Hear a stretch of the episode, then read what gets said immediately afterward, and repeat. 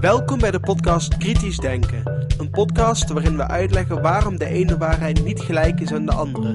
En hoe je kunt vaststellen waarom de ene waarheid juister is dan de andere. Waar we uitleggen waarom het belangrijk is om alles kritisch te bekijken. Ook deze podcast. Goeiedag, het is vandaag zondag 22 mei 2011. Ik ben Jozef van Giel en dit is de 87ste aflevering van deze podcast. Deze aflevering kwam tot stand mede dankzij Riek de Laat. De muziek is van Nick Lucassen. Ik hoop dat ik deze aflevering nog gepubliceerd krijg, want op 21 mei, gisteren dus, moest het het einde van de wereld zijn. Dat beweert tenminste Harold Camping. Eigenlijk gaan dan 2% van de mensen die ooit geleefd hebben opgenomen worden in het eeuwige leven. Het echte einde van de wereld is dan pas op 21 oktober.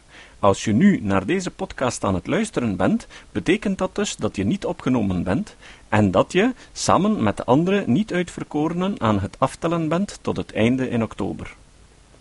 Mocht je dit niet geloven, dan kan je nog altijd wachten op 2012, als de Maya-kalender afloopt. Je kan dan altijd met Patrick Geril gaan schuilen. Bedankt aan alle luisteraars die een steun voor deze podcast gestort hebben en de ondergang van de wereld gisteren overleefden. Ik heb getwijfeld of ik iedereen persoonlijk zou bedanken, maar ik heb natuurlijk alleen e-mailadressen van schenkers die ook al eens gereageerd hebben. Vandaar gewoon deze publieke bedanking. De Nederlanders waren weer zoals altijd de gulste schenkers. De Vlamingen, die daar iets aan willen doen, kunnen natuurlijk nog altijd een gift storten. Maar natuurlijk ook de Nederlanders die het verschil nog groter willen maken. Vandaag spreken we over wat is de oorsprong van het leven? Biologen maken zelfreplicerend RNA-molecuul. Deze tekst komt van de Daily Galaxy en is vertaald door Rick de Laat.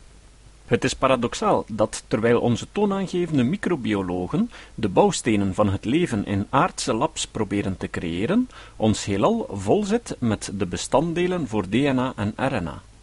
De reusachtige gasnevels in de ruimte zijn gevuld met suikers die ribose kunnen vormen, de ruggengraat van het RNA.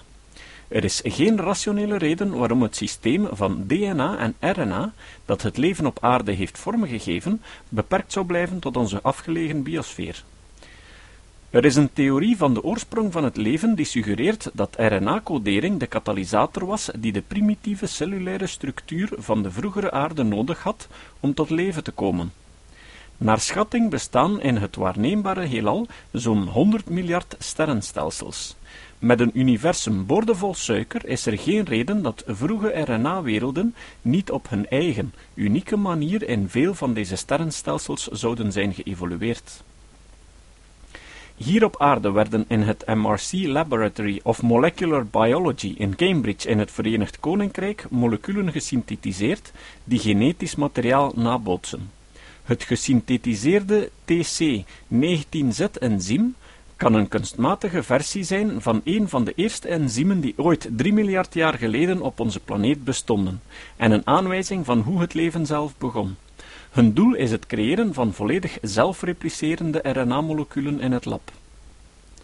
De dominante theorie van hoe het leven begon gaat over het ontstaan in de vroege geschiedenis van de aarde van een zelfreplicator. De oorspronkelijke molecule van het leven was een RNA dat kopieën van andere RNA's zou kunnen maken, inclusief van zichzelf. Naarmate de evolutie vorderde, hield dit zelfreplicerende molecuul op te bestaan. De meerderheid van de aardse organismen slaan nu hun genetische informatie op in RNA en gebruiken andere enzymen om zichzelf te kopiëren. Geleid door Philip Holliger heeft een opzoekingsteam van Cambridge de zogenaamde RNA-wereldhypothese getest. Die suggereert dat het leven oorspronkelijk niet gebaseerd was op DNA, maar op een verwante chemische stof RNA. Dit RNA kan genetische informatie dragen en zich driedimensioneel opvouwen om te functioneren als een enzym. Een enzym is een biologische katalysator die bepaalde chemische reacties kan versnellen. De Holliger-groep begon met het RNA-enzym R18, dat kopieën van andere korte stukjes RNA kan maken, hoewel op een foutgevoelige manier. Het is als een toetsenbord waarmee je slechts één of twee woorden kan schrijven, zegt Holliger. Om dit eerste R18-RNA te laten evolueren maakte de groep 50 miljoen klonen ervan, elk met willekeurige genetische veranderingen in de RNA-sequentie. Ze selecteerden drie met de beste RNA-kopieervaardigheden, en door dit proces een aantal keren te herhalen, verkregen ze geleidelijk aan krachtiger enzymen. We verzamelden alle gunstige mutaties uit de verschillende selectie-experimenten.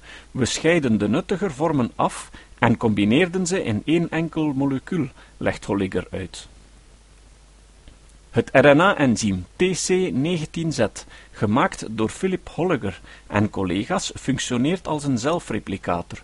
Tot nu toe was het enige bekende RNA-kopierende RNA het R18-molecuul.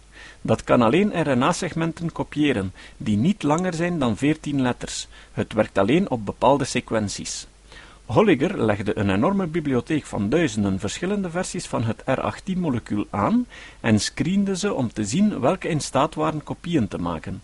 Na een aantal cycli van het kopiëren van varianten en op zoek naar nieuwe verbeteringen, vond hij er een aantal die hij samenbracht in zijn laatste synthetisch enzym TC19Z. TC19Z kan RNA-sequenties tot 95 letters lang betrouwbaar kopiëren, een zevenvoudige verbetering ten opzichte van R18. Zijn prestaties variëren naar gelang de te kopiëren sequentie, maar het is veel minder kieskeurig dan R18. Soliger vergelijkt R18 met een sportwagen die alleen op gladde, vlakke weg voldoet.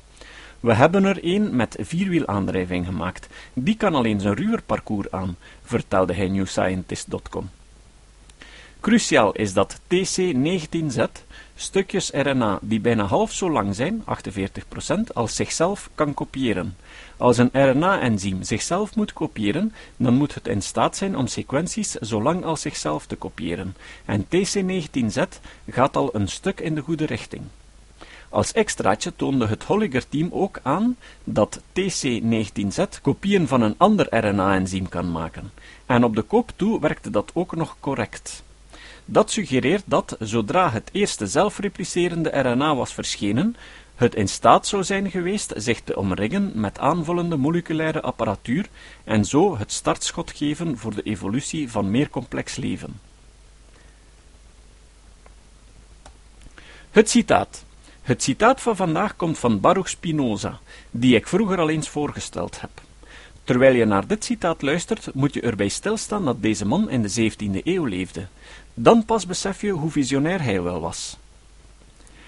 Spinoza zei: Om te bewijzen dat de natuur zichzelf geen doel gesteld heeft en dat alle doeloorzaken niets anders dan inbeelding zijn, daarvoor zijn niet veel woorden nodig.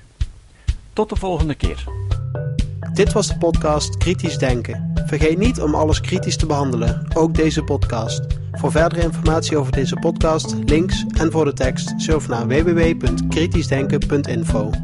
Als je deze podcast belangrijk vindt, kun je me steunen door anderen warm te maken ook eens te luisteren. Stuur een e-mail naar vrienden met een link naar de website en plaats de link in de handtekening van je e-mails. Tevens kun je op iTunes deze podcast een beoordeling geven of een recensie schrijven. Of je kan op je eigen website of blog een link naar kritisch denken plaatsen.